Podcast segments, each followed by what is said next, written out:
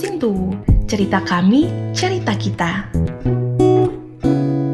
Sahabat Mosintowo, apa kabar di hari ini? Semoga saja kabar yang sehat dan juga bergembira, berbahagia bersama-sama dengan sahabat Mosintowo. Mempasim baju bincang-bincang spesial di Radio Mosintowo bersama dengan narasumber inspiratif dan topik yang menarik dengan saya Lian Gogali. Kali ini kita punya tamu spesial Radio Mosintowo, sahabat Mosintowo yang akan berbicara tentang hal yang sangat penting dan sering kita lupakan.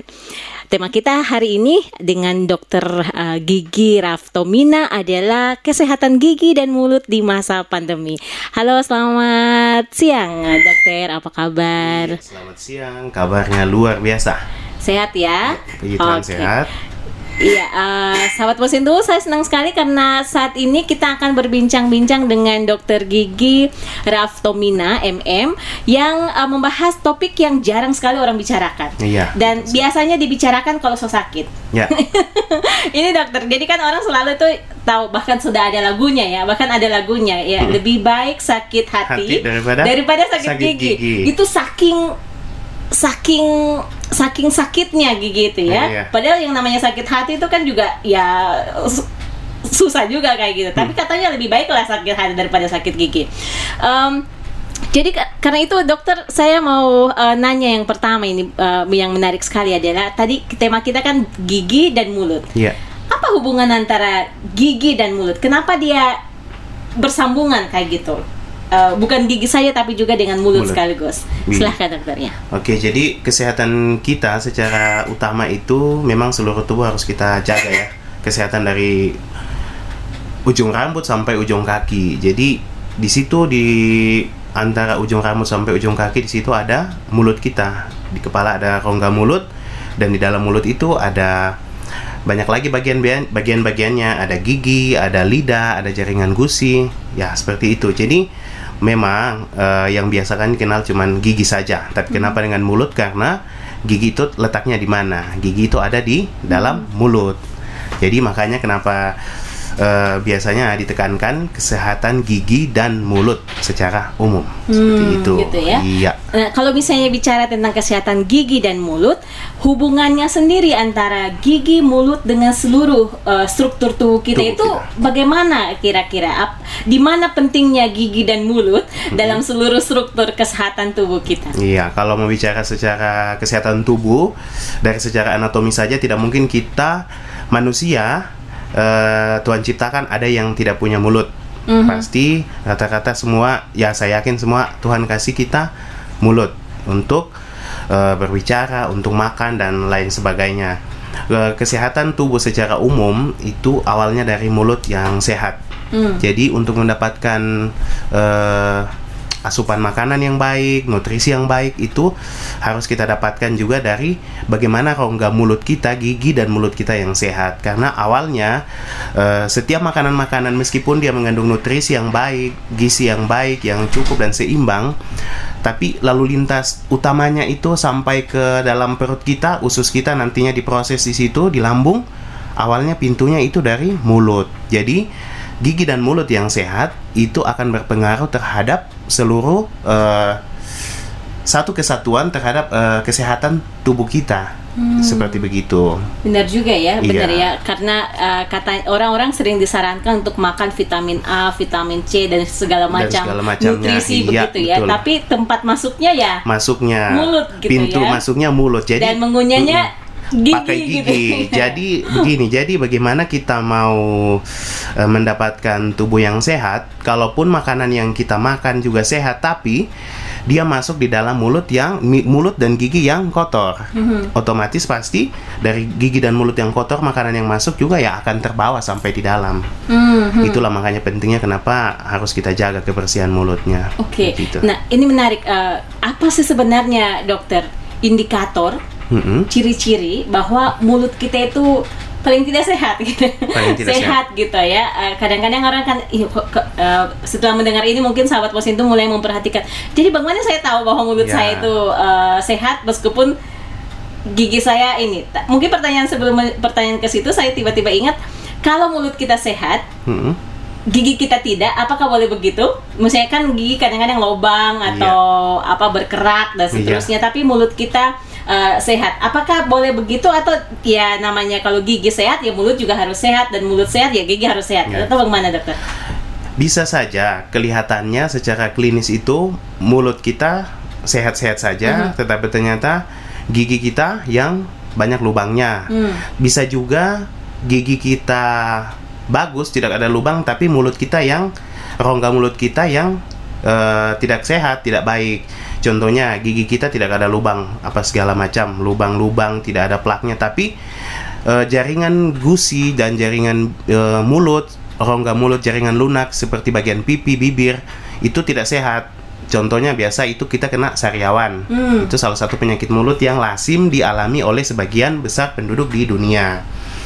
Sariawan itu ya salah satu tanda eh, indikator mulut kita lagi tidak dalam keadaan sehat. Oke. Ah, jadi sariawan itu eh, penandanya sariawan terjadi atau luka pada jaringan lunak mulut itu terjadi karena salah satunya defisiensi atau kekurangan dari vitamin C atau penurunan sistem kekebalan tubuh. Hmm. Ya, jadi di situ salah satu contohnya kita lihat eh, mulut kita, eh, gigi kita sehat, tapi rongga mulut kita yang yang bermasalah, Bermasalah. atau eh, pada pasien-pasien dengan eh, penyakit sistemik seperti diabetes mellitus, penyakit gula ya yang awam didengar di masyarakat, eh, itu keadaan rongga mulutnya itu biasanya lebih kering, lebih kering dari normal. Sementara kalau kita dalam keadaan sehat, tubuh kita memproduksi eh, kelen- apa air liur dari kelenjar saliva atau kelenjar air liur. Pada orang-orang yang mengalami penyakit diabetes mellitus atau sakit gula yang awam oleh masyarakat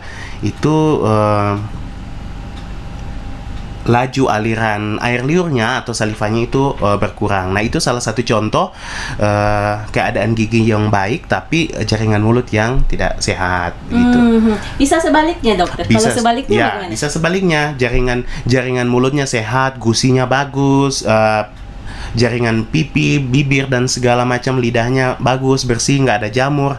Tapi pas dicek giginya waduh lubang-lubang. Hmm. gigi kita normalnya eh, untuk orang dewasa ada 32 dan itu semua bagus kalau dia tidak ada lubang tapi eh, pasti adalah satu dua yang lubang. Jadi itu ya itu kebalikan dari tadi. Ja- eh, rongga mulutnya sehat tapi giginya yang eh, tidak sehat. Nah dengan demikian maka pentingnya harus kita atur sedemikian rupa harus kita jaga sedemikian rupa bagaimana untuk menyeimbangkan antara mulutnya rongga mulut kita sehat dan giginya juga sehat. Hmm, begitu. contohnya yaitu tadi kalau ada yang lubang bisa kita eh, restorasi kita tambal ya ditambal giginya yang lubang supaya tidak terlanjur sakit Mhm. tidak terlanjur infeksi. Terus kalau misalkan ada karang gigi itu bisa dibersihkan juga. Nah itu semua kiat-kiat untuk eh, menjaga keseimbangan eh, dalam rongga mulut untuk didapatkan gigi dan mulut yang sehat Hmm, Ini sambil dengar dokter uh, gigi uh, Raf bercerita, saya sambil langsung "Hmm, gigi saya gimana ya. ini saya yakin sahabat Mas Indro juga di rumah terus tiba-tiba langsung um, tutup mulut terus langsung um sebentar gigi yang gusi saya bagaimana, Bagaimana gigi keadaannya saya? gitu. Ya. Karena ini diskusi yang sangat menarik. Saya kemudian jadi ingat ini dokter. Uh, orang itu pernah disarankan dan sering disarankan dan saran ini yang seri- sangat sering kita lupa Hmm. Untuk uh, mengunyah itu sampai 36 kali ya kalau nggak salah. 32 kali 32 kali. Ke- kebanyakan berat saya. Iya. 32 kali. Itu ada hubungannya nggak sih dengan saliva tadi dan gigi? Bagaimana dengan orang yang sudah tidak punya gigi dan tidak punya apa eh, kondisinya kurang sehat kurang dan sehat seterusnya? ya ya ke- memang dari teori-teori yang ada itu mengunyah mengunyah makanan minimal 32 kali supaya itu bisa lunak dan enzim-enzim pencernaan yang ada di rongga mulut bisa bekerja dengan baik sebelum ditelan, sebelum eh, mulut menelan ke sampai disalurkan ke dalam lambung dan nanti diproses di usus dan sebagainya sebagainya. Jadi eh, itu tadi kembali lagi pentingnya kenapa eh, gigi kita itu harus kita jaga dengan baik. Jadi untuk orang-orang yang lanjut umur, yang lansia, yang mungkin giginya sudah tanda kutip sudah ompong dan mereka juga membutuhkan makan makanan yang bergizi. Bagaimana mereka caranya untuk bisa mendapatkan pengunyahan yang baik. Nah, itu salah satu salah satu cara ya dengan kita buatkan mereka protesa gigi palsu. Mhm. Jadi gigi palsu itu bisa membantu para lansia atau orang-orang yang sudah tidak mempunyai gigi utuh lagi gi- dibuatkan gigi tiruan pengganti agar mereka bisa mengunyah mengunyah kembali makanan-makanan itu dengan baik dan fungsi apa fungsi rongga mulut, fungsi gigi eh, itu bisa apa ya bisa Maksimal, iya gitu. bisa maksimal fungsi pengunyahan fungsi bicaranya. Karena bukan cuman untuk makan saja gigi ini. Kita bicara saja coba kita perhatikan kalau teman kita atau saudara kita ada yang sudah tidak ada gigi muka mau bilang huruf S. Jadi itu aja setengah mati. Karena tidak tahan lidah ya di sudah anu, di tidak gigi. tertahan lidahnya kan di gigi. Jadi ya itu eh, gigi bukan hanya untuk untuk makanan saja sekedar makan tapi juga untuk apa ya bicara untuk vokal dan juga untuk yang utama sih estetika apalagi untuk gigi-gigi depan kan Mhm, ya. Nah, dokter tadi sempat uh, menyebutkan kata enzim gitu ya, Ya. karena kita mengunyah dan ada enzim. Enzim itu berarti bagian dari rongga mulut ya, uh, dokter. Dia dihasilkan oleh mulut yang sehat atau apakah ada hubungannya enzim yang yang dihasilkan untuk uh, apa memproses makanan yang kita kunyah tadi ketika rongga mulut kita itu tidak sehat? Iya, pada dasarnya enzim itu eh, diproduksi oleh setiap manusia ya. Kita semua ada produksi enzim, enzim-enzim pencernaan ada di rongga mulut baik itu kita sehat maupun eh, keadaan rongga mulut kita juga tidak sehat. Tetapi alangkah baiknya dan dia akan lebih maksimal kalau keadaan gigi dan mulut kita khususnya rongga mulut kita bersih. Seperti tadi ya. Seperti contohnya ya tadi yang saya sudah bahas sebelumnya eh, penyakit-penyakit pada eh, pada pasien-pasien dengan penyakit diabetes. Itu mengalami eh, kondisi klinis yang dinamakan serostomia secara bahasa kedokteran gigi itu atau dikenal dengan mulut kering.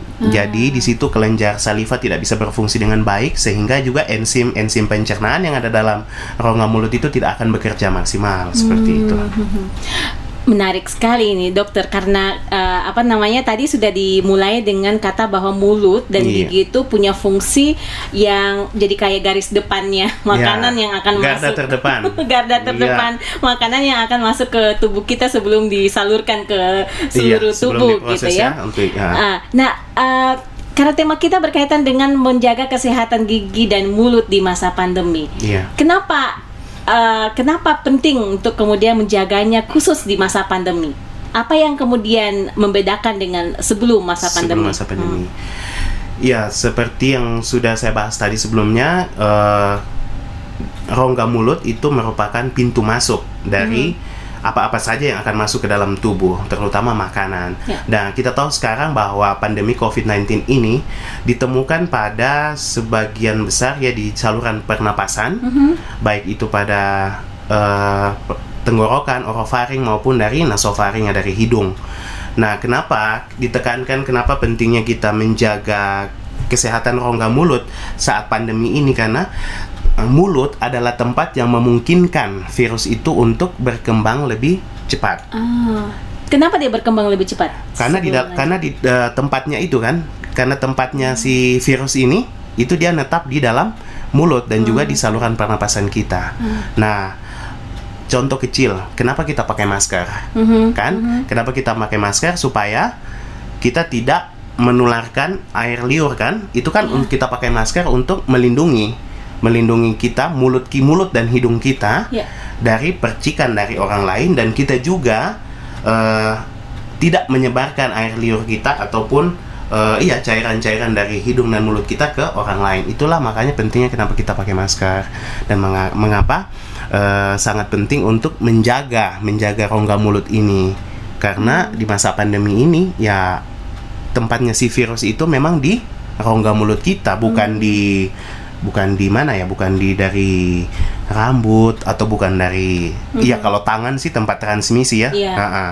bukan dari mana-mana tapi itu tetap dia dari kita perhatikan saja yang pemeriksaan swab apa semua itu kan ambilnya dari rongga mulut kan Itu juga saya baru mau tanya Ya. itu dokter. Kenapa sih kemudian orang mengambil eh, kalau ya swab ya itu Swab. pasti dari ini apa yang apa yang membuat uh, membuat dia istimewa uh, Hmm. dan bisa menunjukkan seseorang itu bergejala apa tidak karena itu semuanya dari mulut gitu Dari ya. mulut, Iya. iya. Gimana itu logika ininya? dari pem- kita ini. iya dari dari pemeriksaan swab itu kan diambil sampel dari eh, daerah dari apa ya Eh, saya tidak boleh terlalu banyak bicara kedokteran ya Iya. nanti orang awam bingung jadi dari Dari mulut ya. dari mulut dari Iya. saluran pernapasan dan juga dari ini ya ya saluran pernapasan dari tenggorokan Iya. hidung ya Hidung. karena di situ tempat berkembangnya si uh, virus ini virus SARS ini SARS-CoV-2 ini uh, tempatnya di situ. Jadi kita tidak ambil dari mana. Adapun yang pemeriksaan pemeriksaan rapid itu dari ambil dari darah. Itu untuk cuma memeriksa ada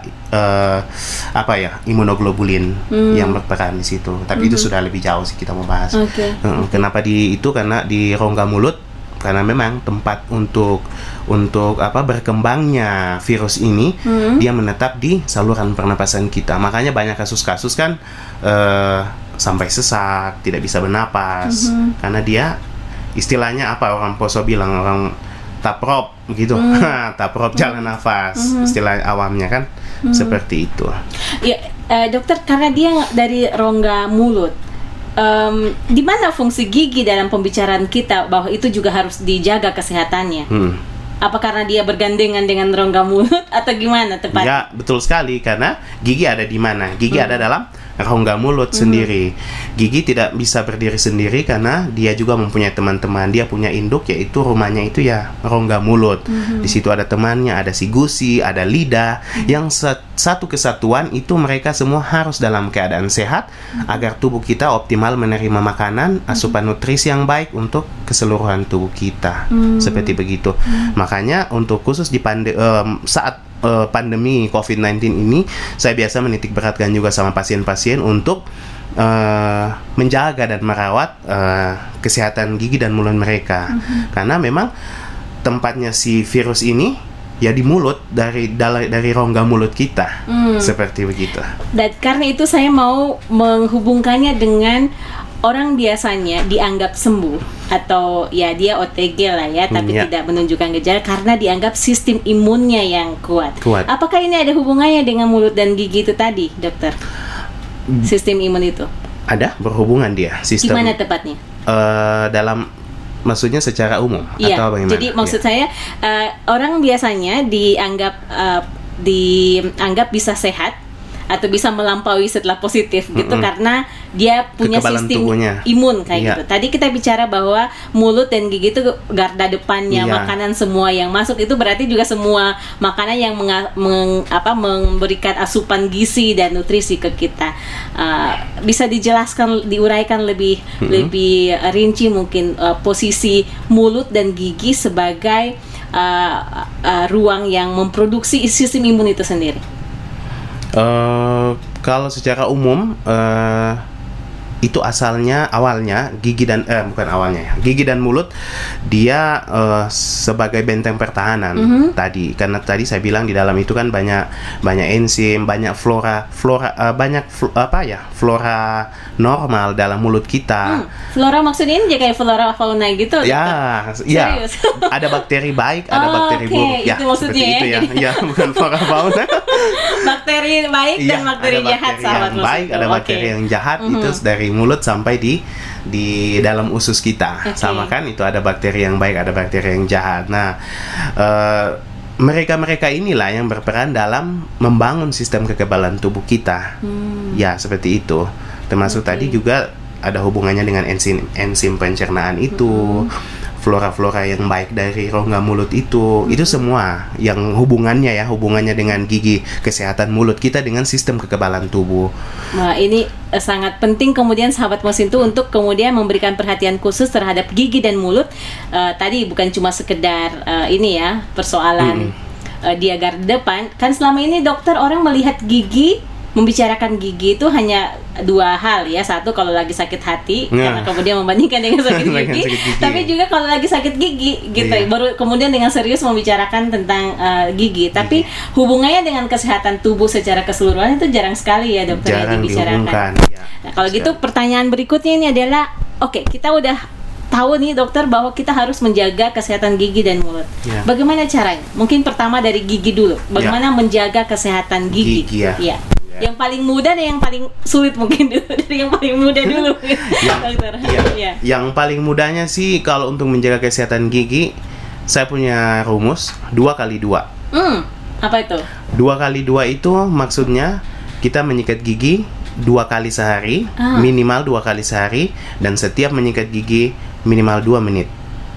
Ah, Itu resepnya. Oh gitu ya. Dua kali dua sahabat mesin tuh. Dua Iya. kali sehari dan dua menit setiap kali itu, menyikat gigi. Itu rumus simple ya, rumus Hmm. simple dua kali dua supaya kita gampang ingat dua dua kali dua Dua kali dua. minimal dua kali sehari pagi setelah sarapan Ya. dan malam sebelum tidur. Jadi tidak dilarang untuk sikat gigi kalau mandi sore kan? Biasa banyak kita kan? Saya rata-rata tanya pasien sikat gigi berapa kali? Nih "Eh, dua kali dokter pagi sama sore kalau mandi. Terus malam sudah tidak. Oh sudah tidak. Nah justru kita sikat gigi itu kan untuk membersihkan. Mhm. silakan sikat gigi kalau mandi sore tapi nanti kalau habis makan malam nonton kan biasa nonton ngemil lagi makan Iya, iya, iya. gorengan makan martabak makan coklat habis itu langsung naik Tidur. padahal justru di situ dibutuhkan kebersihan giginya sebelum tidur ya Hmm. Dokter, ini kalau sikat gigi sebelum makan, misalnya pagi begitu. Kalau Hmm. kita sikat gigi dulu baru makan, boleh nggak sih kalau pagi? Kan logikanya gitu. Kalau Ya. malam ya iya gitu ya. Eh, kalau malam sebelum tidur gitu, setelah eh, sebelum tidur baru sikat gigi. Hmm. Kalau pagi itu boleh nggak sih eh,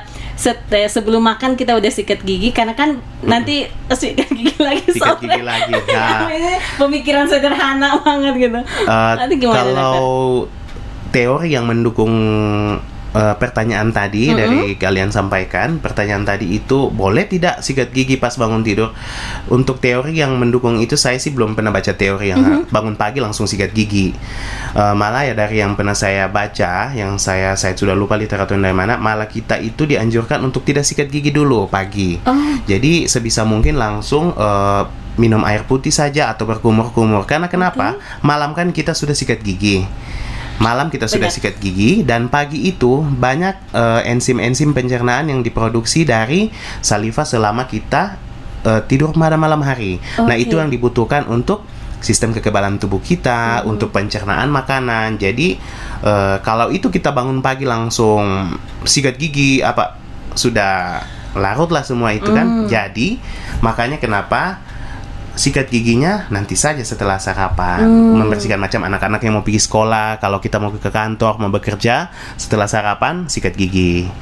Menarik. gitu sekarang pertanyaan masih soal yang jadi tahapan yang ya, yang rumus dua kali dua ini ya, Mm-mm. dokter rumus menyikat gigi dengan baik karena banyak orang Oh. yang yang penting sikat gigi itu kadang-kadang juga arahnya itu udah udah pokoknya semua bisa dijangkau kayak gitu gitu gimana Sebenarnya- dokter Sebenarnya ini mestinya alat alat peraga ya, Ha, iya sih, bagusnya. ha. Tapi ya ini saya bisa sampaikan saja lewat ini lewat Radio. uh, radio. Sikat giginya itu pertama tips ya, tips Mhm. uh, mem- me- untuk menyikat gigi yang baik dan benar. Yang pertama kita harus punya sikat gigi yang uh, bisa kita pilih di pasaran Mhm. sesuai dengan kebutuhan. Di pasaran itu ada sikat gigi, kita tidak boleh sebut merek ya, merek ya, Nggak nggak boleh. boleh. Ya. nanti kita di endorse Iya, jadi ada yang kita bisa lihat sih di Mhm. swalayan atau di toko-toko, di apotek ada banyak sikat gigi, ada banyak macam varian. Kita lihat di sikat gigi itu di kemasannya ada yang tulisan soft, medium dan hard. Mhm. Soft berarti lembut, medium yang tengah-tengah, yang hardnya yang keras kan. Mhm. Jadi saya lebih sarankan ke pasien-pasien saya atau orang-orang yang saya sudah edukasi, silakan memilih sikat gigi yang mempunyai bulu yang soft atau yang lembut. Kenapa? Jadi selain gigi kita bersih, tapi dia tidak merusak gusi. ah Nah, kalau kita pakai sikat gigi yang agak keras dari itu, Mhm. yang pakailah yang medium atau hard dan yang hard itu saya sudah pernah coba sih, yang medium saya sudah keras, hampir kayak sikat kamar Sikat mandi. pakaian. Sikat pakaian ya. ya Memang itu bersih giginya, tapi gusinya biasanya yang bermasalah. Hmm. Gusi bisa berdarah, gusinya bisa rusak seperti Ya. itu. Terus yang kedua, eh, menyikat gigi itu tadi ya sudah ya pilih sikat gigi yang baik dan benar. Nanti Hmm. cara cara sikat giginya yang pertama itu gerakannya dari arah vertikal Mhm. dikombinasi vertikal gini ya Iya. sahabat mesin Vertikal. atas bawah ya Atas atas bawah. Dan di- bagian depan bagian depan oke sampai di belakang tapi dikombinasi vertikal horizontal. Bagaimana Hmm. caranya? Bingung kan bagaimana vertikal horizontal begini dok begini silang silang tambah Bikin tanda ini. ya jadi itu dengan cara rotasi jadi Hmm. diputar Ah. nah itu oke. gerakan vertikal plus horizontal Hmm. gerakan sikat giginya memutar ya pelan pelan Oke, oke. Pelan-pelan ya. Ya, begitu juga dengan di daerah permukaan kunya disikat Hmm. uh, secara vertikal, Mm-mm. uh, eh horizontal ya, maju mundur. Horizontal. Ya, Ha-ha. ya, sikat kiri kanan dan itu tadi pakai rumus dua kali dua itu, pakai rumus dua menitnya paling Dua kurang. menit, ya. Iya, dan jangan lupa setelah itu bagian lidah kita juga harus disikat. Ah. Ya, ini lagi kan ada ada ada tambahan lagi kan. Ah. Selama ini kan kita cuma sibuk urus sikat gigi gigi gigi. Iya, namanya juga sikat gigi. Gigi ya Ya, disikat dokter namanya gitu. sikat gigi. Tapi eh, jangan kita lupakan bahwa temannya si gigi itu ada juga lidah. Mhm. Kenapa harus lidah? Kita mesti aware juga sama lidah, harus peduli dengan kebersihan lidah. Karena di lidah itu banyak eh, apa ya? Bahasa awamnya rambut-rambut halus, Ah. papila-papila. Di situ tempatnya sisa-sisa makanan, di situ berkembang bakteri dan juga Ah. jamur dan memungkinkan virus juga ada nempel di situ. Ah. Makanya bisa eh, sahabat-sahabat eh, Radio Musinto bisa coba lihat di kaca masing-masing.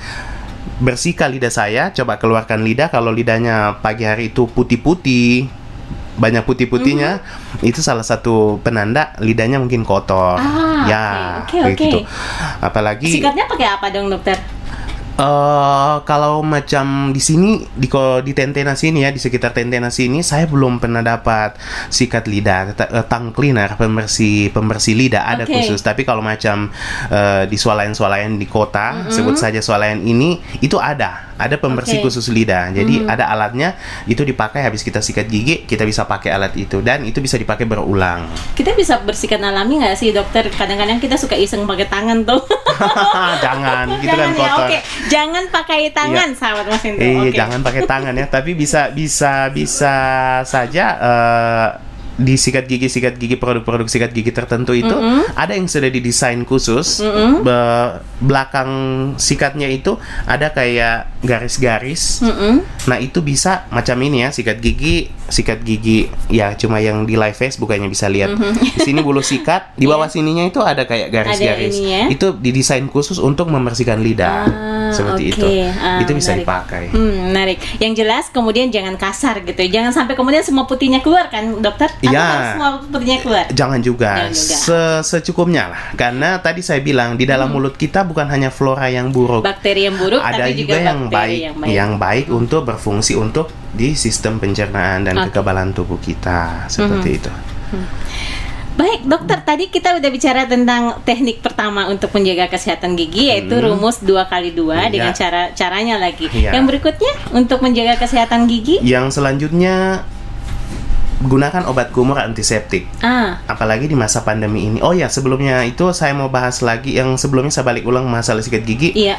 Um, untuk teman-teman perhatikan semua eh, mengganti sikat giginya ya jangan Hmm. sampai ada sikat giginya yang tidak diganti-ganti bisa Sayang. jadi ah, bener, bener. ya paling cepat sih kalau sa-. Heeh. tidak ada teori yang khusus untuk itu tapi eh, rata-rata dari dokter gigi FDI ya FDI untuk ya Persatuan Dokter Gigi Internasional Mhm. begitu itu kan juga menganjurkan ke dokter gigi minimal contohnya minimal enam bulan sekali Mhm. gitu kan sama juga dari PDGI Persatuan Dokter Gigi Indonesia dan Mhm. juga untuk mengganti sikat gigi bulu sikat ya, mengganti sikat gigi itu paling tidak paling cepat itu dua minggu sekali dan kalau paling ininya paling lamanya satu bulan sekali. Kita harus ganti sikat gigi. Waduh, itu kadang-kadang kita dokter itu udah bulunya itu udah kiri kanan sudah berbunga. belakang. Sudah berbunga. Sudah berbunga baru diganti ya. Nah itu kenapa nggak sehat ya?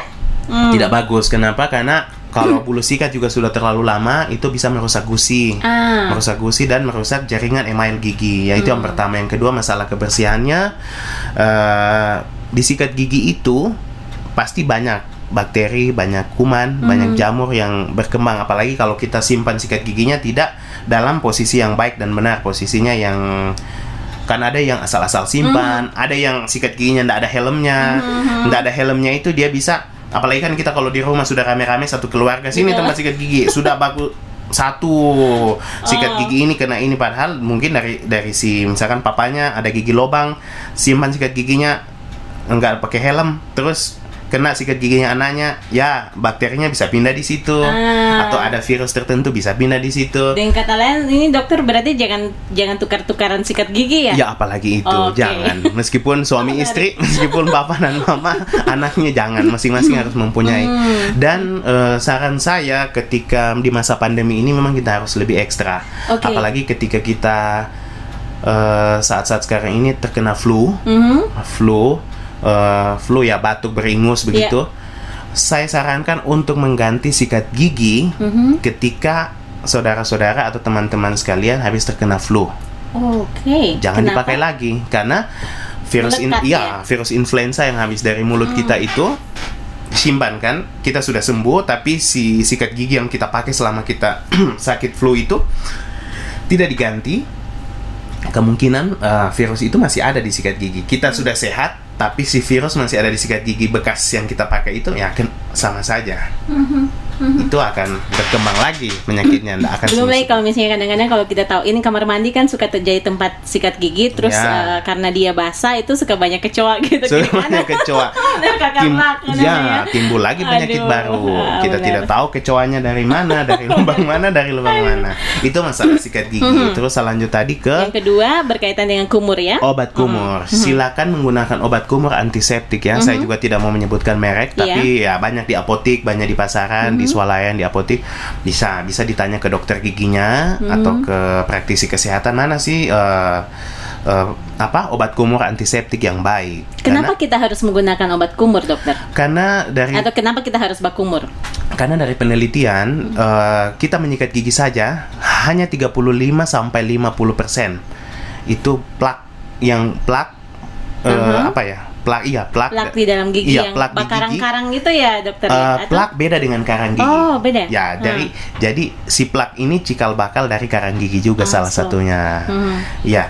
Jadi eh, menurut penelitian 35 sampai 50% cuman seperti sekitar begitu saja kebersihan mulut dengan menyikat gigi. Jadi kenapa kita harus menambahkan eh, treatment-treatment tertentu untuk membuat kesehatan gigi dan mulut kita lebih sempurna. Oke. Salah satunya dengan menggunakan obat kumur yang mengandung antiseptik. Hmm. Seperti begitu. A- ada nggak sih dokter yang selama ini sudah ditemui bahwa uh, daripada kita beli gitu kita bisa bikin yang alami kayak gitu yang mungkin warisan orang tua dulu Ya, gitu kalau yang kalau yang warisan siri mungkin ya warisan orang tuh ya siri Iya. bisa dengan air air berkumur dengan air siri Ah. yang kedua ini yang sederhana ya Iya.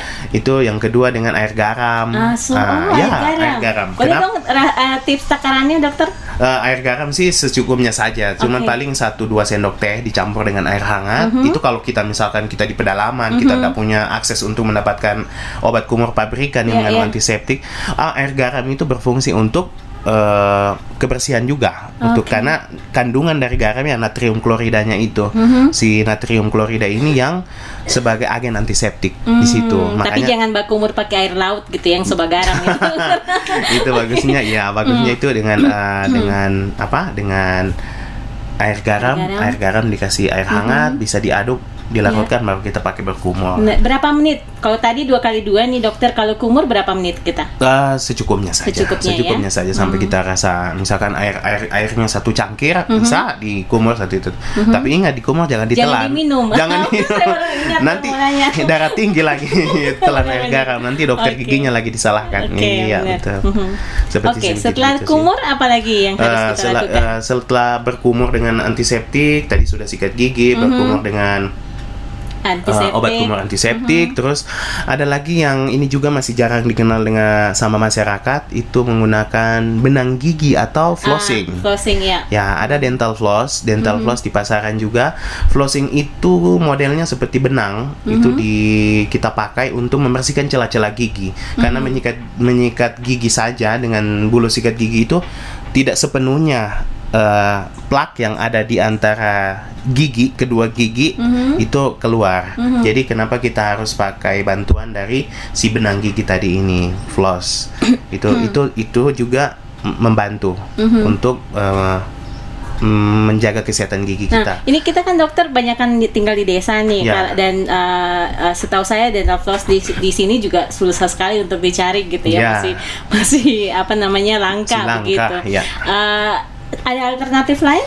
Atau Hmm. memang jangan sampai pakai benang ini kan? Benang jahit ya Benang jangan. jahit atau tali rafia gitu nggak mungkin sekali gitu. Kalau untuk flossing sih tidak belum ada alternatif sih dari Hmm, saya hmm, karena hmm. memang eh, terus terang di sini juga di daerah kita di sini eh, saya cek-cek di apotik-apotik di swalayan juga eh, belum ada kayaknya flossing Ya, dan itu. belum jadi kebiasaan saya rasa Ya, dokter ya. dan belum Ha-ha. jadi kebiasaan. Tapi kalau untuk masyarakat-masyarakat di kota ataupun di eh, negara-negara lain itu Iya. sudah masuk di dalam eh, tren kesehatan gigi dan mulut mereka itu sikat gigi, obat kumur antiseptik dan juga flossing dan check up ke dentist ke dokter gigi minimal enam bulan sekali. Kalau flossing itu sendiri berapa kali kita lakukan dalam paling tidak dalam satu hari atau dalam satu bulan? Eh, tidak harus tidak harus tiap hari sih kalau flossing. Kalau flossing minimal seminggu itu bisa sampai tiga kali kita flossing Ah, pada Itu saat seperti apa? saat sikat gigi. Hmm, saat- Setelah sikat gigi. Setelah sikat Hmm, gigi ya. Bisa. Jadi sikat gigi,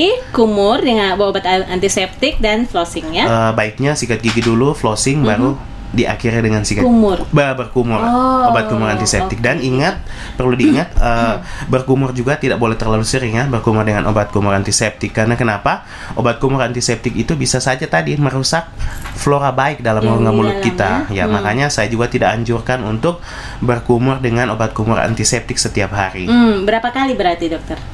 Ya bisa bisa bisa sehari itu bisa sekali atau enggak seminggu bisa 3 sampai 4 kali. Oke. Secukupnya, Secukupnya ya. kita. Iya. Mhm. Jangan sampai membunuh yang baik. gitu Jangan ya. sampai membunuh Oh, yang baik. dibunuh yang jahat aja, Iya. sahabat. Apalagi ada obat-obat kumur tertentu dia mengandung alkohol yang cukup tinggi. Hmm, ya, ya, Ya, ya, dan, dan ya, itu benar. sudah ada Lihat. penelitian eh, pengaruhnya juga sangat buruk untuk Mhm.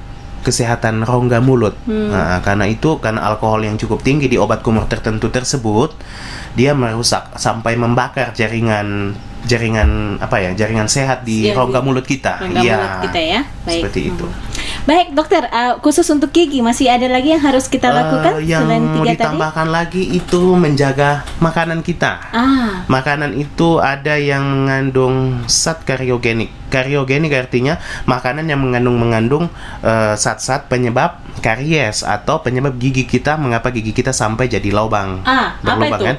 Jenis makanan ya, apa? makanan-makanan kariogenik itu satu makanan yang asam. Terus makanan yang manis. Wah, ini kategorinya semua nggak boleh nih jadi Padahal itu ma- makanan enak ya. makanan kita semua tuh. Jadi yang asam, yang jenis yang asam itu mungkin dokter em, bisa diceritakan misalnya apa gitu contoh-contoh makanannya. Ini nggak ada merek nih jenis Iya, makanan. Jenis makanannya saja ya. Contoh makanan-makanan asam apa ya? Hmm, kan jeruk itu asam. Ya. Nenas itu asam, Asam. tapi katanya vitamin C. Vitamin Terus, C. em, ya jeruk, nenas. Kalau yang manis pasti coklat gitu ya. coklat coklat pertama, iya, kue, pokoknya kue. semua makanan-makanan Aha. yang manis Iya. itu eh, sebenarnya tidak baik lah Hmm. untuk kesehatan gigi kita dan bukan cuma untuk gigi kita kesehatan Hmm. tubuh secara umumnya apalagi kalau kita memiliki riwayat diabetes karena Hmm. itu semua yang akan nanti berperan terhadap perkembangan penyakit lebih lanjut Hmm. ya. Dokter, ini kan katanya makanan yang eh, asam dan manis gitu ya dokter ya. Iya. Eh, itu hubungannya dengan gigi atau hubungannya dengan rongga? hubungannya dengan gigi dan Oh. juga di rongga mulut secara keseluruhan. Oke. Kalau hubungannya ah, tadi hubungannya makanan-makanan kariogenik itu seperti yang manis, yang Mhm, asam. Makanan-makanan manis itu dia akan nanti kita makan terus kita tidak menyikat gigi dengan baik dan Mhm, benar, itu nanti dia akan terfermentasi jadi asam. Ah. Tambah di ada asam, tambah ada bakteri lagi di situ, maka dia akan membuat proses demineralisasi email atau pengeroposan email yang berujung pada gigi jadi lubang. Aduh, saya suka banget jeruk nih dokter. Gimana dok? ya sebenarnya tidak apa-apa Ah, kita yang makan penting itu. In- seimbangnya, atau intinya keseimbangan makanan itu yang kita makan dengan yang kedua kebersihan gigi dan mulut kita. Oke, yang Maka- tadi ya, yang iya, makanya tadi itu pertama. kenapa saya juga tidak pernah melarang uh, pasien-pasien saya untuk jangan makan ini, jangan makan ini. Hmm. Silakan, bahkan anak-anak pun silakan kalau mau makan coklat, mau makan apa. Tetapi ingat setelah itu harus dibersihkan giginya. Mhm, mhm. Oke menarik. Jadi ada empat nih sahabat Mosinto. Yang pertama soal sikat giginya, Ya. yang kedua berkumur dengan obat antiseptik, yang ketiga itu adalah Flossing. flossing, atau Menggunakan benang gigi. uh, benang gigi. Yang keempat adalah menghindari atau menjaga keseimbangan makanan Makan yang makanan kita ya. uh, Mani- asam, asam dan, dan manis. manis. Ya. Kalau mau makan yang asam dan yang manis, balik lagi ke peraturan pertama sikat, Sikat gigi. giginya yang di, ya harus kira-kira ya. diperhatikan Mhm. ya. Ke- Bagaimana dengan menjaga kesehatan rongga mulut, dokter? Apa yang harus kita lakukan rongga mulut ini? Menjaga kesehatan rongga mulut secara umum itu yang pertama pasti yang satu tetap pasti kita dari gigi dulu, Hmm. dari gigi dan yang kedua lidahnya dan yang Hmm. ketiga itu secara mulut keseluruhan kalau giginya sudah sehat, Mhm. lidahnya sudah sehat pasti eh, jaringan-jaringan di sekitar mulut kita ini pasti juga akan sehat. Mhm. Tadi menggunakan obat kumur antiseptik itu salah satu contoh, salah satu contoh untuk menjaga eh, kesehatan rongga mulut secara umum Mhm. selain sikat gigi karena kan macam rongga mulut bagian pipi, pipi Ini ya? Ya, di bagian Geraham pipi ya, ya, bagian pipi, Hmm. pipi di bagian dalam itu kan tidak mungkin kita sikat kan. Mhm. Bagaimana cara membersihkannya seperti itu dengan makanan-makanan yang baik yang cukup serat. Terus eh, berkumur dengan obat kumur antiseptik. Nah, itu salah satu contoh untuk menjaga kebersihan rongga mulut kita. Khusus eh, khusus jaringan mulut ya, jaringan mulut. Ja- Jadi eh, jangan berpikir cuma jaringan mulut, cuma bibir ini saja, cuma sebatas bibir, tetapi semua sampai di dalam mulut itu adalah satu kesatuan rongga mulut. Mhm. Kalau saya mendengar penjelasan dokter ini berarti bahwa begitu kita menjaga kesehatan gigi hampir secara otomatis kita menjaga rongga mulut gitu Ya, ya, betul dokter, sekali, ya. betul Dan sekali. eh, apa namanya begitu kita sehat mulutnya ya kita juga kemudian sehat.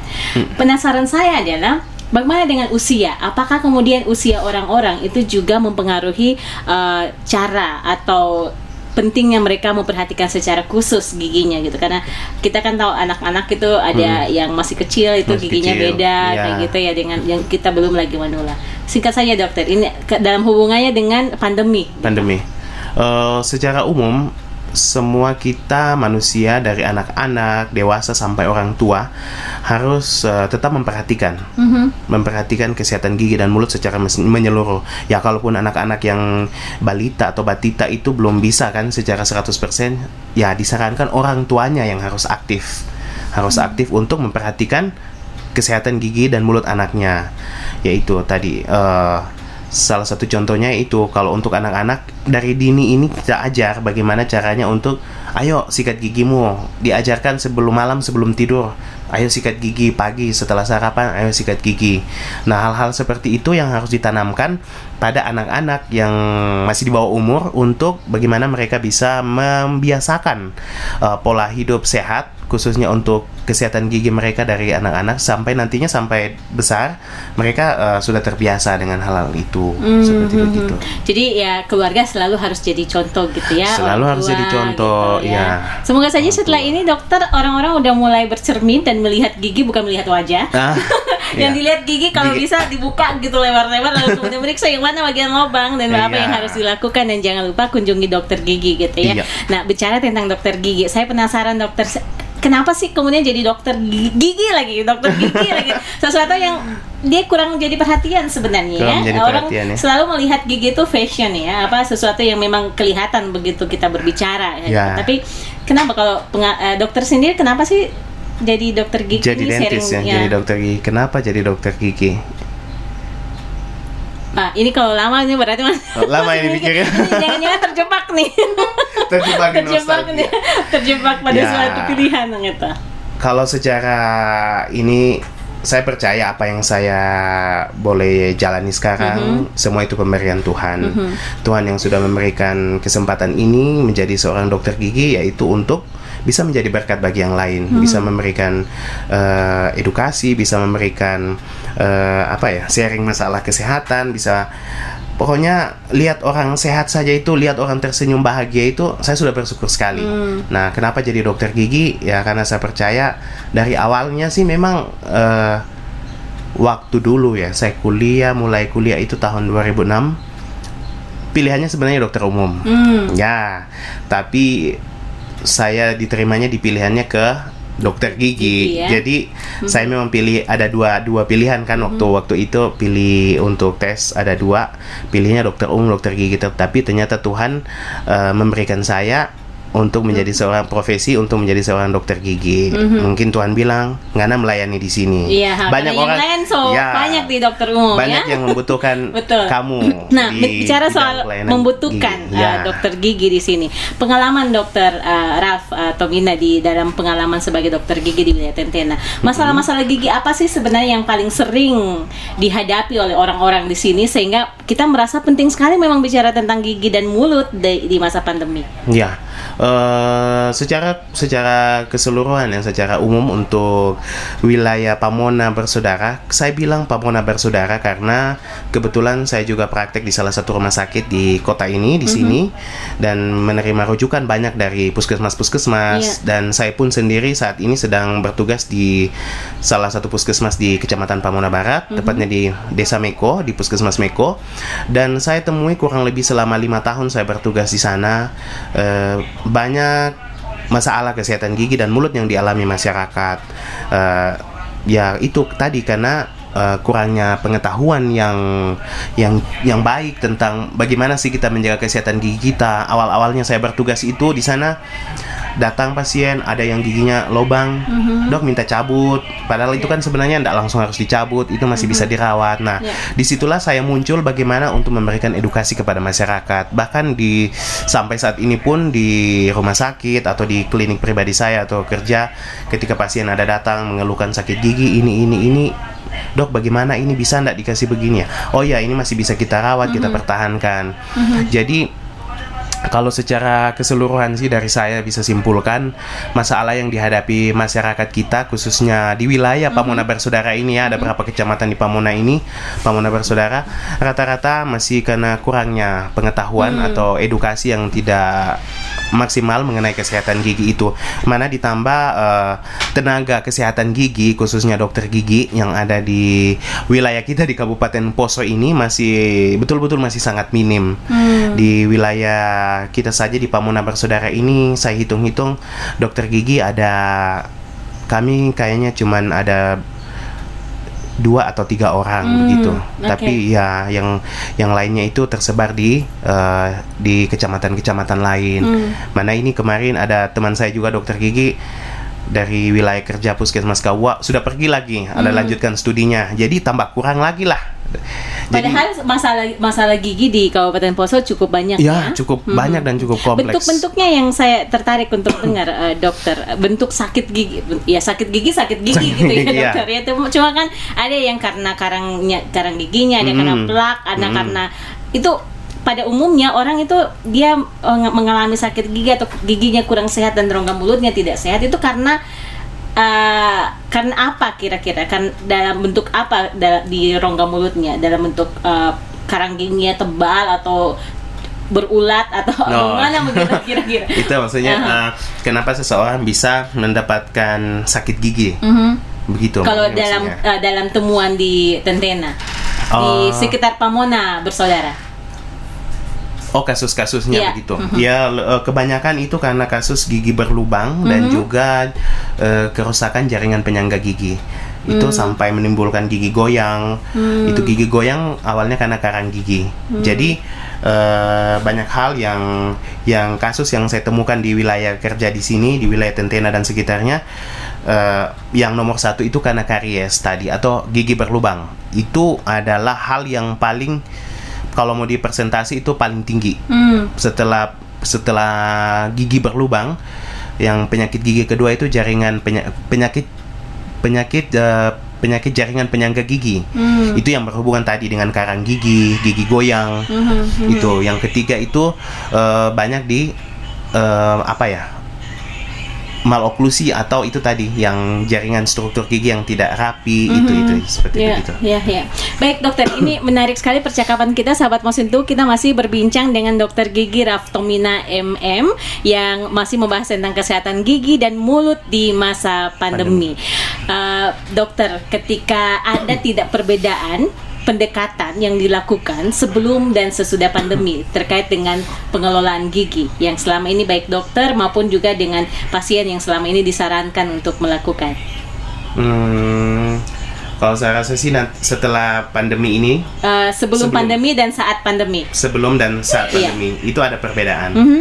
Eh, yang pertama, eh, setelah se- semenjak awal-awal pandemi ini, eh sebelum ya, sebelum pandemi ini eh, masyarakat kan mundak mandir nih, mundak mandir ke klinik, ke puskesmas, ke rumah sakit tanpa ada yang bisa membatasi.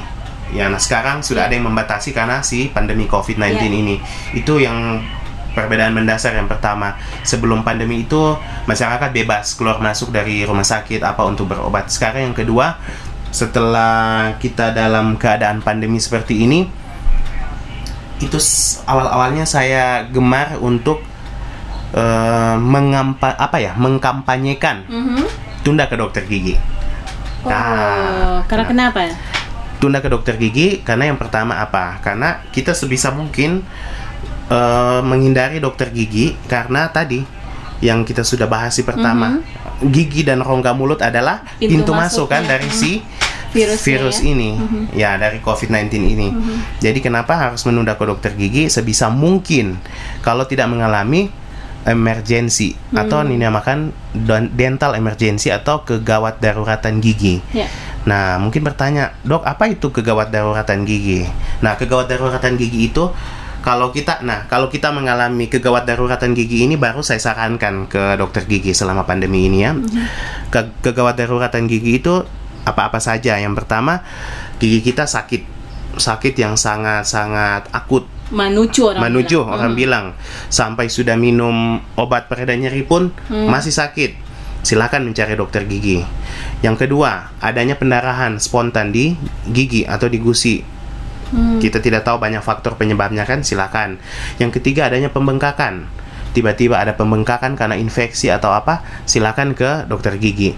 Yang keempat, kalau ada kecelakaan atau fraktur yang menyebabkan giginya patah atau tulang rahangnya tergeser, silakan ke dokter gigi. Jadi empat poin ini yang dimaksud dalam dental emergency atau kegawat daruratan gigi. Jadi silakan menghubungi dokter gigi selama masa pandemi ini apabila anda mengalami Empat. empat hal ini. Kedaruratan Iya, gigi. kegawat daruratan gigi. Gawat daruratan. Ya, yang lain-lainnya seperti untuk karang gigi, untuk menambal gigi, untuk urusan estetik, behel, kawat gigi apa semua itu kalau bisa sebisa mungkin ditunda dulu, Hmm. ditunda dulu. Itu yang yang menjadi perbedaan ya Iya. antara sebelum pandemi dan saat pandemi ini.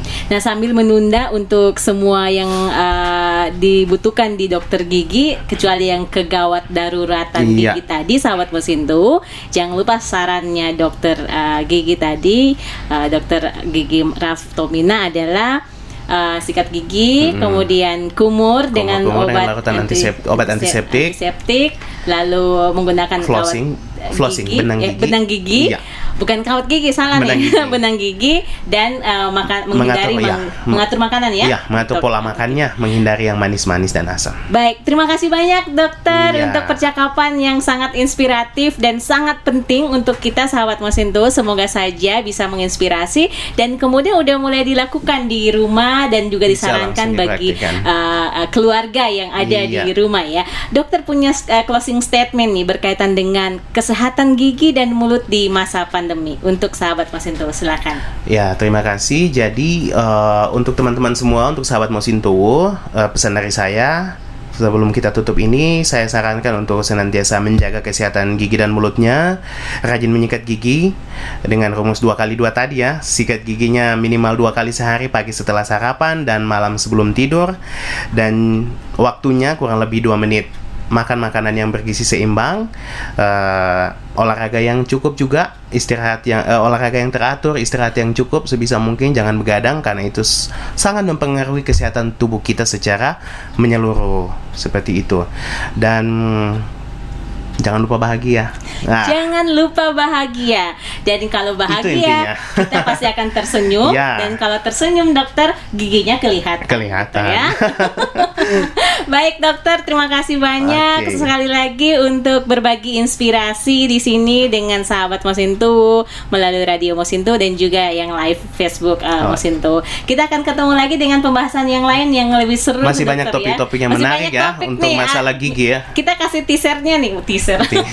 Apalagi misalnya dokter, apa saja Eh, misalnya? ya nanti bisa uh, ke depannya Kita kita, akan bahas, bahas mengenai tentang- masalah tren uh, fashion kedokteran gigi. Ah, trend kita bahas iya, gigi. kita bahas mengenai veneer tentang kawat gigi itu sebenarnya yang banyak juga yang hal-hal seperti begitu yang disalahgunakan oleh sebagian orang Mhm. bagaimana kita uh, behel itu ya behel itu banyak yang bilang untuk fashion padahal sebenarnya itu untuk kesehatan, Kesehatan gigi. ya Lalu kita juga akan membahas tentang Kesehat, usia. iya kesehatan gigi pada lansia, Lansia. pada orang tua orang tua kita yang Hmm. sudah lanjut usia itu ada kesehatan gigi mereka secara khusus. Kita Ya. bahas juga mengenai masalah kesehatan gigi pada anak-anak usia Hmm, dini, anak-anak sekolah, anak-anak yang sementara prapubertas. Di Ah. situ ada ada khusus ah, eh, untuk eh, pasien-pasien yang atau yang kesehatan gigi pada ibu hamil. Hmm, itu oke. banyak Wah. yang kita bisa bahas. Menarik sekali. Kita akan ketemu lagi dengan Dokter Gigi Ralf Tomina. Untuk saat ini kami pamit mundur berdua. Terima Iya. kasih sekali lagi eh, dokter untuk kehadirannya Iya, di sama-sama. eh, Radio Mosinto.